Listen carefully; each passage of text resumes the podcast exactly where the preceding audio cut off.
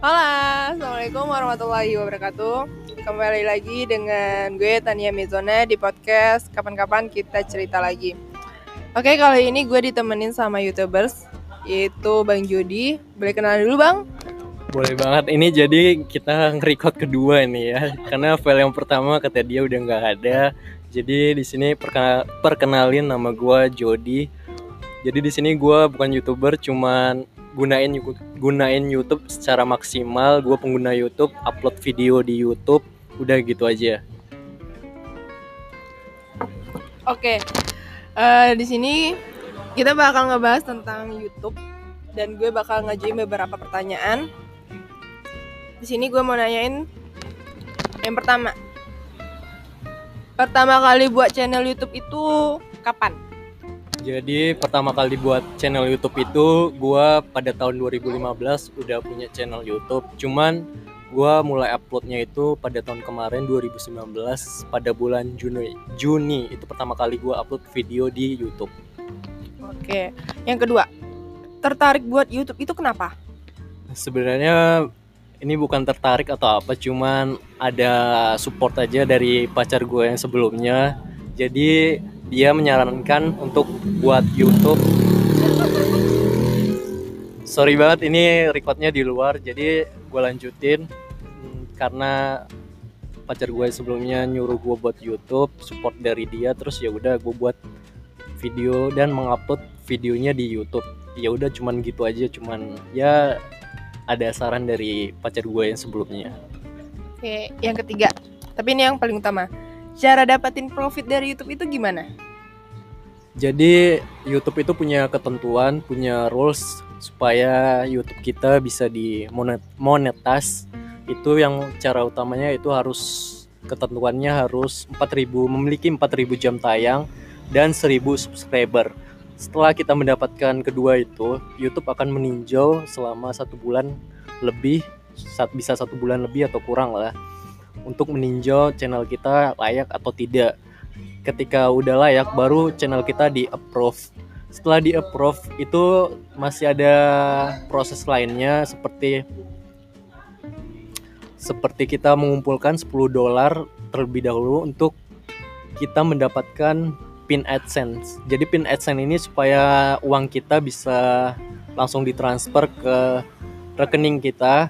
Jadi kita harus menunggu pin AdSense itu data datang selama sebulan lebih juga lewat kantor pos. Jadi setelah itu baru kita verifikasi rekening bank. Udah sampai gitu prosesnya udah selesai untuk mendapatkan profit di YouTube. Oke, yang keempat. Tips untuk pemula YouTube buat dapatin viewers, subscribers, subscribers-nya itu gimana bang? Untuk itulah youtubers pemulanya gitu. Ya untuk youtuber pemula yang paling utama itu harus konsisten karena sebagian besar youtuber pemula itu tidak konsisten karena ketika mereka membuat channel itu tujuan utamanya yaitu cuman uang uang uang yaitu adsense kan. Jadi menurut ketika mereka belum mendapatkan itu dan mereka udah kerja keras tapi belum mendapatkan itu mereka bakal pupus dan menurut gue itu tidak tidak baik ya. Ketika mereka belum mendapatkan semua itu ya harus konsisten lah sampai mendapatkannya. Karena sebagian besar youtuber pemula itu banyak yang gak sabar ketika belum dimonetes YouTube-nya ya udah berhenti sampai situ dan menyerah. Menurut gua ya harus semangat, harus konsisten untuk mendapatkan semuanya seperti mendapatkan subscriber yang banyak, mendapatkan profit yang banyak ya udah seperti itu. Karena kemarin beberapa beberapa hari yang lalu gue ikut kursusnya Agung Hapsa jadi menurut Agung Hapsa ada tiga tiga faktor yang membuat youtuber itu tidak membuat channel YouTube atau menyerah channel di channel YouTube-nya. Yang pertama yaitu menurut mereka youtuber itu harus mempunyai mempunyai mempunyai apa ya tadi? Mempunyai skill. Dan yang kedua mempunyai alat-alat seperti kamera, lighting dan lain-lain. Dan yang terakhir yaitu harus bingung bingung memilih konten apa. Jadi yang pertama nggak semua youtuber itu mempunyai skill atau talenta. Lihat aja uh, youtuber gaming dia tidak tidak pro pro banget tidak pro player atau pro gamers mereka ya biasa aja yang penting fun aja mereka mempunyai value value yang luar biasa makanya uh, penontonnya atau subscribernya itu menyukai dia. Dan yang kedua kalian lihat aja channel-channel yang luar biasa seperti Arab Reza Arab yang belum tahu dan Chandra Leo bahkan Agung Apsa itu video pertamanya itu hanya menggunakan resolusi yang sangat kecil. Kalian sekarang udah beruntung banget punya device atau handphone yang memiliki kualitas 1080 itu udah bagus banget. Harus kalian bisa maksimalin dan yang ketiga kalian bingung mau bikin konten apa. Kalau menurut gua kalian bikin aja sesuka kalian, hobi kalian di mana. Menurut gua kalau kalian fun ya udah lanjutin aja itu konten kalian. Oke, terus pertanyaan lainnya, hmm, untuk buat YouTube itu sendiri butuh mood atau mungkin ada jadwalnya tersendiri gitu? Mungkin sebagian besar youtuber itu harus ngumpulin mood karena menurut gua bikin YouTube itu nggak mudah. Belum kita yang langkah pertama kita membuat videonya itu yaitu record videonya, belum lagi ngeditnya.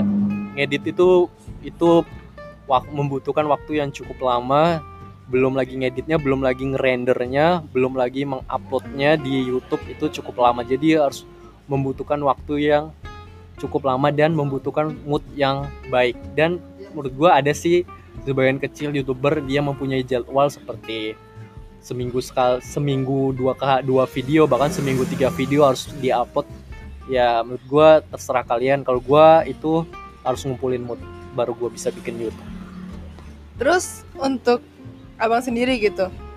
Youtubers. Sensasional itu penting nggak sih? Atau perlu nggak sih? Terus dampak baiknya apa dengan kita? Dampak buruknya apa dengan kita? Ya menurut gue lebih baik jangan jadi youtuber sensasional karena gue udah pernah nyoba hal ini. Gue waktu itu pernah bahas tentang covid atau corona Uh, jadi gue di situ sensasional menurut gue ya udah nggak usah gue ceritain. Yang subscriber gue pasti tahu itu viewersnya luar biasa banget. Di situ dampak positifnya ya gue mendapatkan adsense yang luar biasa pendapatan yang luar biasa. Dan dampak negatifnya menurut gue banyak komen head di kolom komentar di YouTube gue pastinya ya. Tapi di sisi lain gue orangnya masa cuek banget tentang hal itu. Gue orangnya nggak peduli terserah lo orang mau ngomong apa kepada gue tapi yang penting ya udahlah gitu. Kalau gue nggak nggak terlalu nggak terlalu memikirkan banget lah. Terus ada dapat head comment gitu misalnya. Ada nggak sih langsung dijapri gitu eh lo buat YouTube kok gini banget sih atau gimana? gitu. Banyak banget yang bilang gitu. Ada yang aneh-aneh lah ada yang ya mohon maaf kayak kelamin dan lain-lain gitu gitulah pokoknya bahasa-bahasa kotor itu ya pasti ada di kolom komentar. Tapi ya udah gue orangnya masa bodoh itu aja. Kalau lo youtuber yang baperan ya mau sampai kapan lo? Kalau lo baper ya lo pasti nggak bakal bikin konten selanjutnya. Jadi menurut gue ya udah masa bodoh aja. Kalau menurut kalau gue sih gue baca. Tapi kalau yang menurut lo lo baperan orangnya ya udah nggak usah lo baca komen komen head gitu. Atau bahkan saran gue lo matiin komennya itu lebih baik Oke, jadi youtubers itu tuh emang perlunya jiwanya tuh masa bodo amat ya. Kalau kalau untuk gue kan pod, podcaster itu lebih ke PD-nya gitu. Terus kalau untuk youtubers tuh perlu nggak sih uh, PD yang tinggi gitu? Kan buat channel YouTube itu harus punya konten yang oke okay lah ya gitu di tempat-tempat harus PD gitu. Terus menurut abang sendiri gimana tuh? Ya menurut gue ya harus percaya diri banget tuh orangnya. Apalagi lo ketika lo ngevlog di pinggir jalan ngevlog di mall lagi lo diliatin puluhan orang ratusan orang bahkan ribuan orang lo di mall lo ngevlog ya harus percaya diri lah intinya. Intinya di situ lo ya udah ngevlog aja biasa kayak lo sen lagi sendirian gitu. Tapi kalau gue ada beberapa tempat yang menurut gue ya gue nggak cocok ya udah gitu. Kalau menurut gue cocok ya udah gue masa bodoh tetap percaya diri. Tapi ada beberapa tempat yang ah ya udahlah mending nggak usah ngevlog atau nggak usah bikin video gitu. Yeah. mungkin ada masukan untuk itu playersnya gue gitu bang? Atau buat dia memotivasi lah gitu tips-tips untuk mereka gitu buat jadi youtubers gitu. Ya menurut gue untuk uh, viewers atau penonton atau pendengar podcasternya eh, podcastnya si Tania menurut gue YouTube ini bisa jadi lifestyle lifestyle. Jadi uh, lo bisa men mendapatkan pendapatan yang luar biasa di YouTube. Dari AdSense bahkan dari sponsorship konten itu bisa banget. Kalau lo jadiin ini YouTube pekerjaan itu lo bisa kerja bebas bangun pagi atau bangun siang lo bebas mau ke mana aja bebas nggak diatur atur orang. Jadi menurut gua uh, YouTube ini bisa jadi lifestyle banget buat lo tapi lo harus konsisten percaya diri itu aja. Bakal in, intinya deh ini aja deh intinya nikmatin aja prosesnya sekarang. Lu nggak apa-apa sekarang lu kayak kerja keras kerja keras kerja keras konsisten konsisten konsisten tapi ntar lu di akhir perjuangan lu lu bakal mendapatkan sesuatu yang indah gitu aja.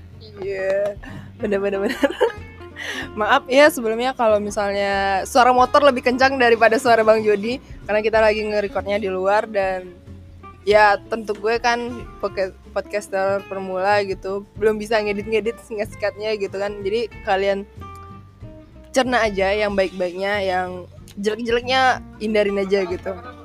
Mungkin sore ini gue sama Bang Jody cukup di sini dan semoga ini jadi motivasi untuk kalian gitu kan. Karena di sini tema podcast gue pun tentang apa memotivasi atau berbagi gitu untuk kalian. Jadi untuk kalian yang bingung masih bingung ya bang untuk gunain sosmed kalian untuk apa gitu kan. Nah dari bang Judi bisa dari YouTube bisa gitu kan. Kalian dapetin profit dari situ juga bisa. Dan untuk ngisi waktu kuliah apa ngisi waktu kalian seperti gue gitu kan. Ngebacot tapi yang bermutu gitu. Wah, contohnya podcast ini tapi podcast ini belum menghasilkan profit. Jadi untuk kalian untuk mengisi waktu kalian aja gitu. Mungkin sampai di sini. Selamat sore dan sampai jumpa.